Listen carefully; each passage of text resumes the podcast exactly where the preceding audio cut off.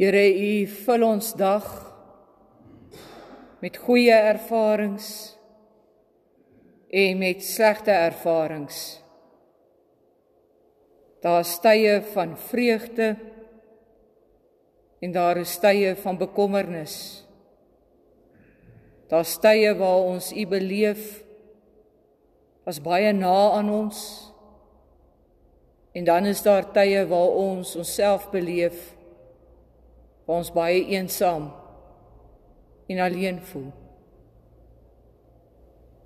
Here, dankie dat ons nou vir 'n paar oomblikke kan stil geraak het en oor hierdie ervarings kon dink.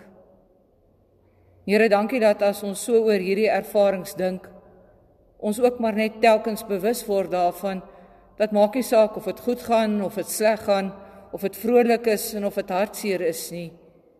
U is maar die heeltyd die stil teenwoordigheid in ons lewe.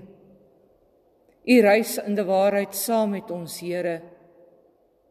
En daarvoor wil ons U vanaand loof en prys omdat U ons nooit maar nooit alleen laat nie. Omdat U by ons is, omdat U ons help en ons dra. Here gaan saam met ons ook nou waar ons rondom die woord gaan stil word. Help ons ook om vanaand 'n ontmoeting met U te hê. 'n Ontmoeting wat ook vir ons rus en vrede bring, Here. Ons vra dit in Jesus se naam alleen. Amen. Ek help u net om te verstaan waar ons is. Ons het vir mekaar gesê die luisterproses is 'n proses wat nooit werklik ophou nie. Ehm um, jy hoor iets, jy dink daaroor na, jy maak 'n koersaanpassing of jy gaan doen iets. As jy dit klaar gedoen het, dan hoor jy weer die volgende ding. Dan dink jy weer daaroor na en so gaan dit aan en aan. Die een ervaring bou eintlik op die volgende ervaring. Die een ervaring help jou gewoonlik om iets ehm um, in terme van 'n skiel in die hande te kry en dat jy die volgende ervaring weer kan hanteer. So dit is nooit klaar nie. Jy kan ook sê nooit sê ek het nou klaar die Here gehoor nie. So dit is die heeltyd 'n voortgaande proses waar die Here met jou aan die praat is deur sy woord en ehm um, waar jy luister, waar jy reageer en waar jy dan gaan doen. So dit is is iets wat voortdurend is. So wat ons hierdie week byvoorbeeld beleef het met Jesegiel 37, dis een so oomblik binne in die groter proses van die lewe. En wat ek van vir u probeer leer het in die laaste paar paar dae is hoe 'n mens sinvol na die Here kan luister. En die eerste ding wat ek vir julle geleer het is om met begrip te lees.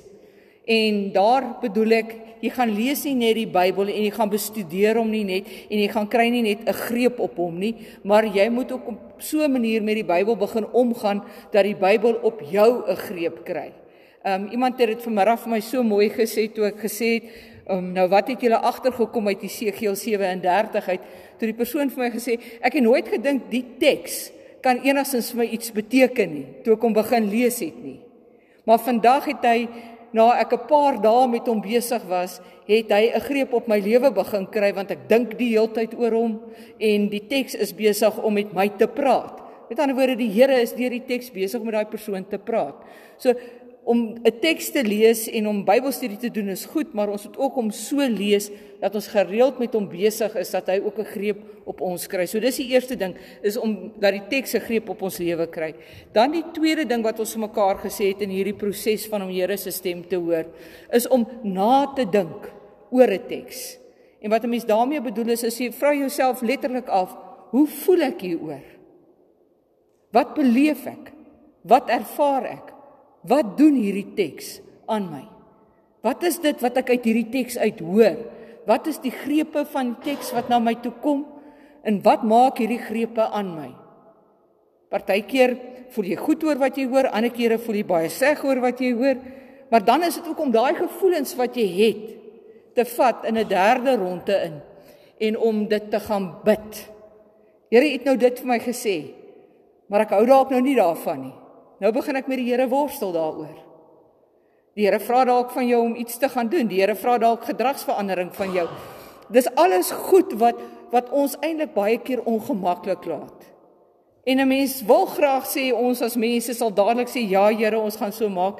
Maar selfs as 'n mens die Bybel gaan lees en gaan kyk na die groot profete, dan het hulle ook maar hulle voorbehoude gehad. En hulle het ook maar gereeld met die Here oor hierdie goed geworstel. So dit is om letterlik die teks deur te bid.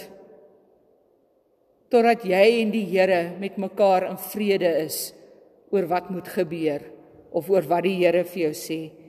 En vanaand wil ek dan by hele gedagte stil staan van om weer in vrede met God te kom. Want ons hoef nie die heeltyd in dissonansie met God te leef nie.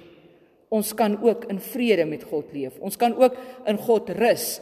Ons kan ook vreugde beleef en ervaar. Veral as die teks se greep op ons lewe gekry het en ons deur so 'n proses is, dan kan ons daar wegstap met groot vrede dat dit wel is tussen my en die Here. So dit is waaroor ek vanaand dan met julle wil praat is oor hoe leef ons dan in daai stuk vrede? En dit vat my dan na die prentjie toe. 'n Vreugdevolle mens se hart loop oor daarvan.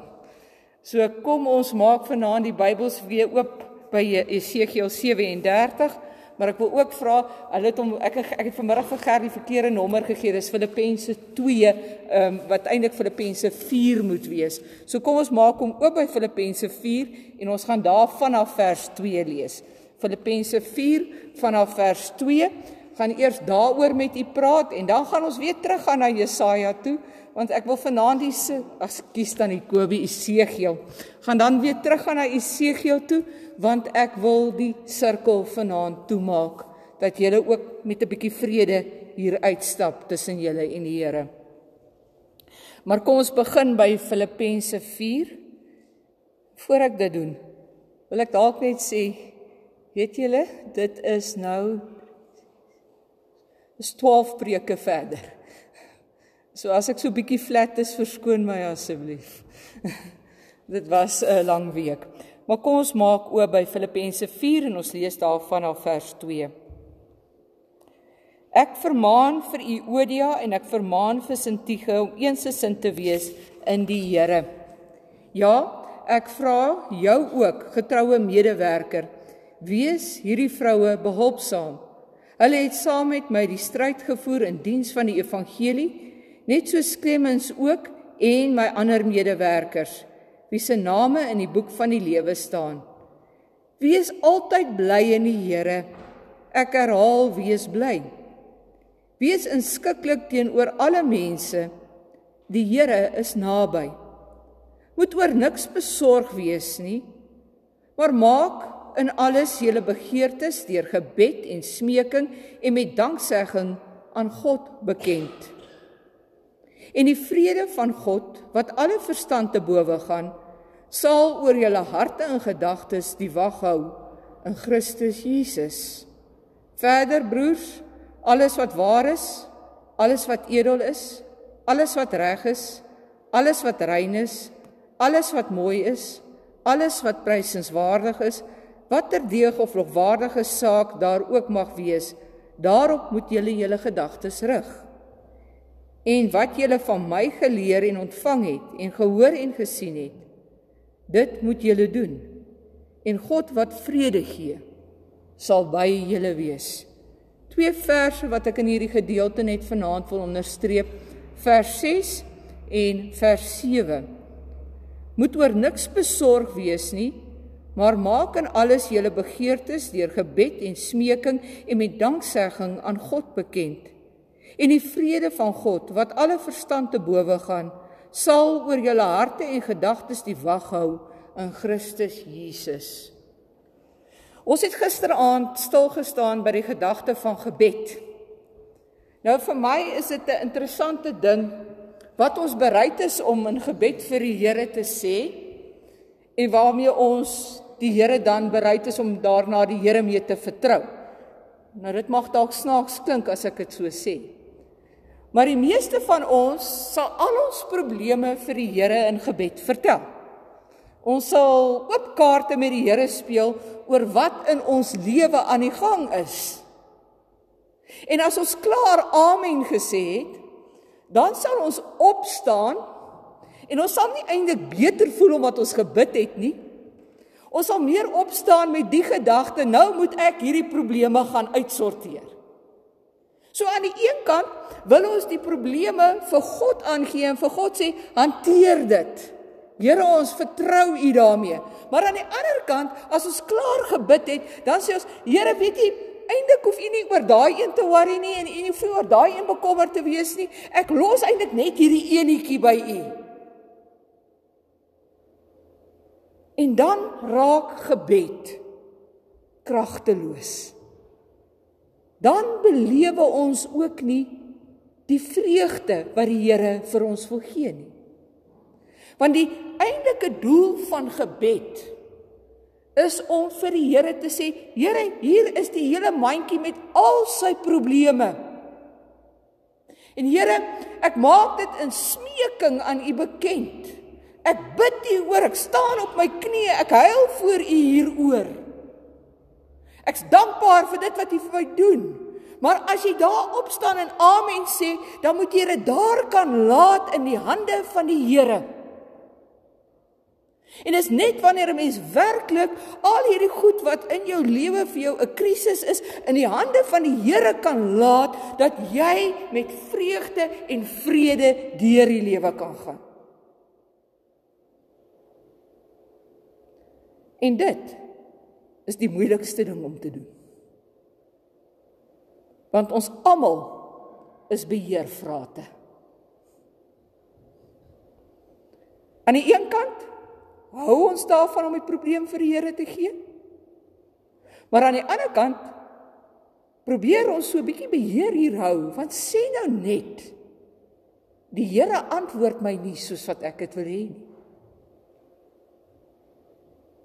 Of sê nou net na ek hierdie ding vir die Here aangegee het, begin die Here met my praat en hy vra van my 'n ding wat ek nie wil doen nie. En dit is hoekom ons arm is in ons gebedslewe. Dis hoekom ons arm is aan vreugde en vrede Want ons wil vir die Here die werk aangee om te doen en dan as ons dit klaar gedoen het, dan haal ons dit net weer so uit sy hande uit en dan vat ons die pakkie vir onsself en dan dra ons weer swaar daaraan.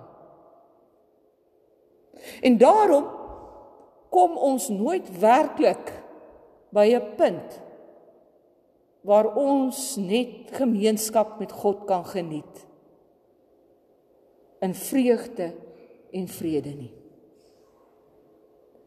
En aan die wortel van hierdie probleem lê iets oor hoe jy oor God dink. Met ons koppe sal ons baie maklik sê ek glo God is almagtig. En God kan alles doen. Met ons intellek sal ons dit sê want ons lees dit hier in die Bybel. Maar om dit met my hart te glo, om dit met my wese te glo, is 'n heel ander saak. Want die oomblik as ek dit met my hart en my wese glo, dan moet ek die beheer oor my lewe prysgee. En ek moet dit in God se hande laat. Dan moet ek die risiko loop dat God dalk vir my kan sê nee. Dat God dalk vir my kan sê jy moet wag.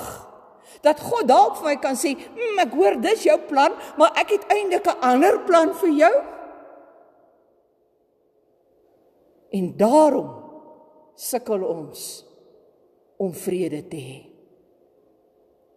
Eerens moet ons die kloof van dit wat ons glo en dit wat ons intellektueel dink oorbrug en met mekaar belyn.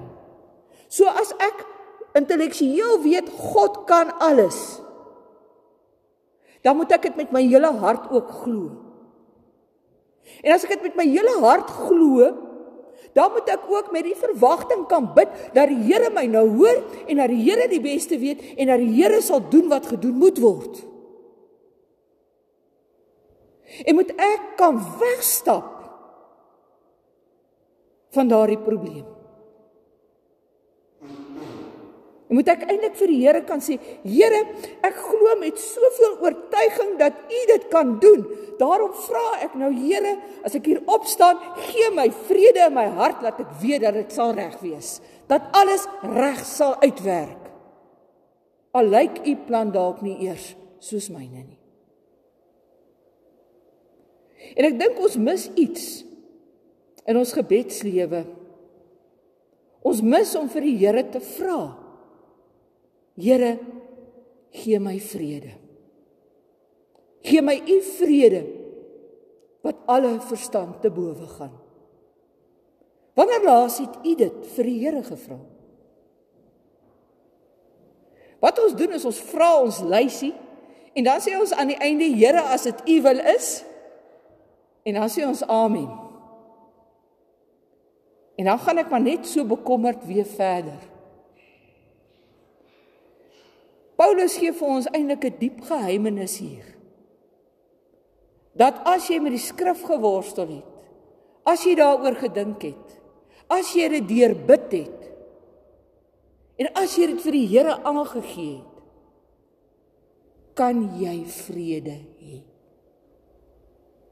En jy kan in vrede leef met God en met die wêreld hier om jou.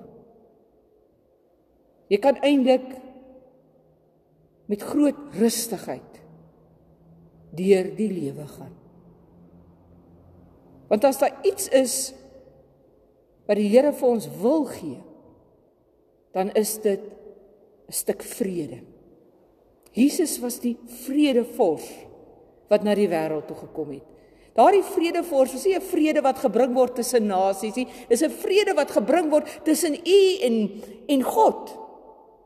Dis 'n verhouding wat daar herstel word. Daarom kan jy met vrede lewe.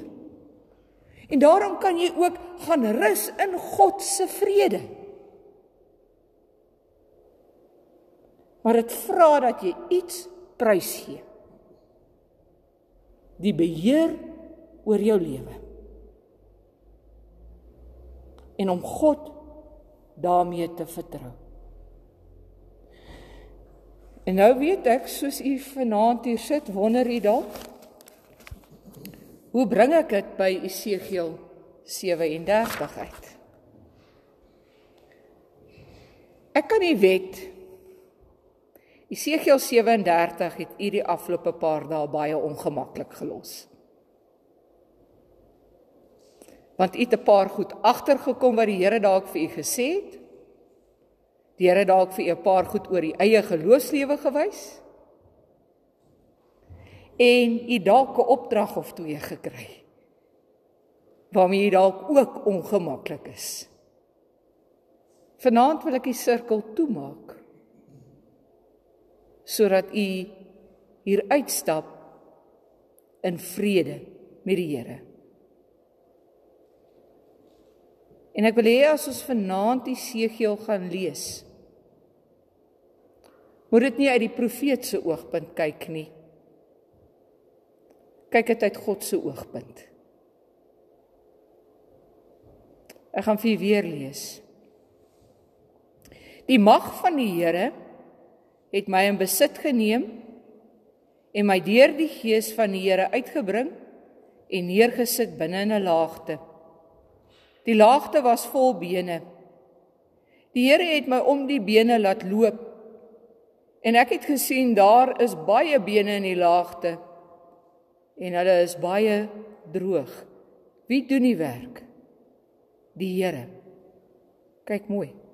Die Here doen die werk. Vra hy vir my: Mens, kan daar in hierdie bene weer lewe kom? Ek het geantwoord: Nee, dit weet net U, Here my God. Hy sê toe vir my.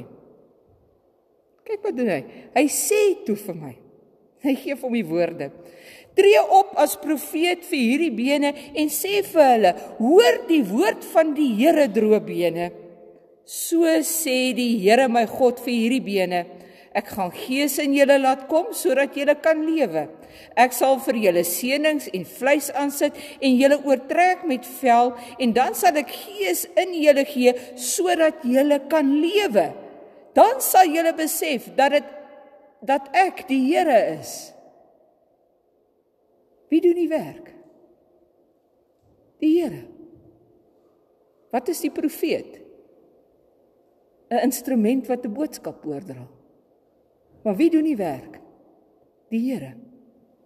Ek het toe as profeet opgetree soos ek beveel is en terwyl ek dit doen, hoor ek 'n groot gedreun. Die bene het na mekaar toe beweeg, elkeen na die been wat toe wat by hom pas. Terwyl ek kyk, kom daar seënings in vleis aan hulle en word daar velbo oorgetrek, maar daar was nog geen gees in hulle nie. Toe sê die Here vir my: Praat nou as profeet met die gees. Tree op as profeet mens. Sê vir die gees so sê die Here my God kom uit die vier windstreke gees. Blaas in hierdie dooies in dat hulle kan lewe. Ek het as profeet opgetree soos die Here my beveel het. En toe kom die gees in hulle en hulle lewe en gaan staan regop wie het die bene in die dooie liggame laat regop staan die profeet of God God se gees wat in hulle beweeg het. Die Here het vir my gesê, mens, al hierdie bene stel die hele Israel voor. Hulle sê ons bene is uitgedroog. Ons het geen hoop meer nie. Dit is klaar met ons. Tree op as profeet en sê vir hulle: So sê die Here my God, ek sal julle grafte oopmaak en julle laat uitkom my volk. Ek sal julle terugbring na die land Israel toe. Wanneer ek julle grafte oopmaak en julle laat uitkom my volk, sal julle besef dat ek die Here is. Ek sal my gees in julle laat kom sodat julle kan lewe en ek sal julle in julle land laat woon. Dan sal julle besef dat ek die Here is. Ek het dit gesê en ek sal dit doen. Wie doen die werk? Die Here.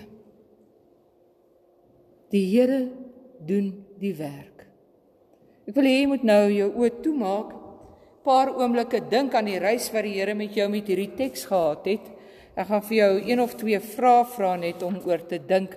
Ehm um, so kry jou prentjie, kry jou gedagte voor, kry voor wat die Here vir jou gesê het die laaste tyd.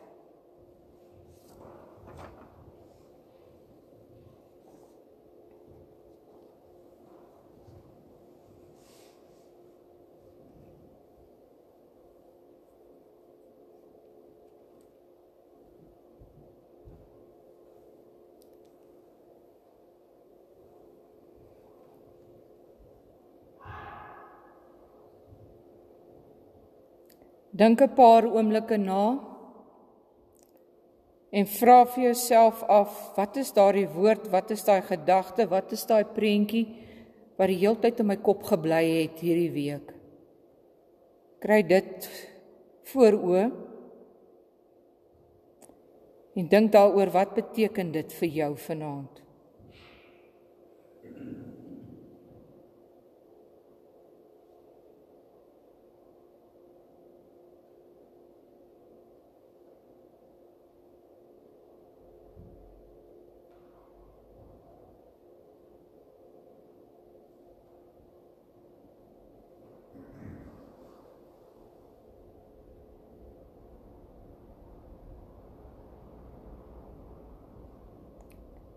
Neem nou daai gedagtes en daai nadenke en praat met die Here daaroor. Sit dit in woorde en sê vir die Here wat jy daarvan dink, wat jy daaroor beleef het. As jy dalk nog 'n vraag het, gee dit ook vir die Here aan. Praat met die Here daaroor.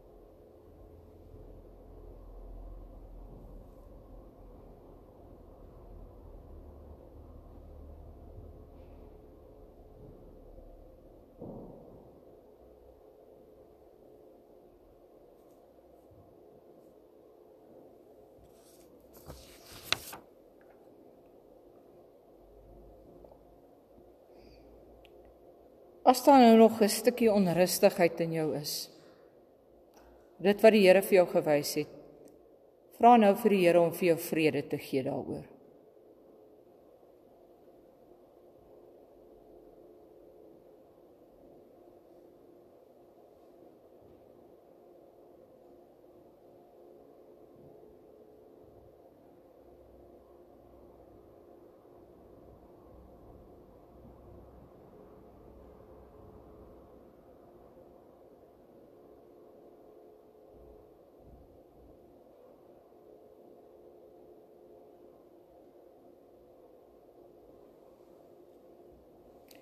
Here God, dankie dat ons net instrumente in U hande hoef te wees. Dankie dat ons net hoef te luister na wat U vir ons sê. En dankie dat ons weet dat as ons gaan doen wat U van ons vra, dat U vir ons die woorde, die gedagtes sal gee, Here, die moed, die krag en die energie. Vul ons harte nou met vrede vanaand, Here dat U by ons is. Dat U met ons praat. Dat U 'n plan het. Dat U ons wil gebruik en dat U ons daarmee sal help. Ons vra dit in Jesus se naam alleen. Amen.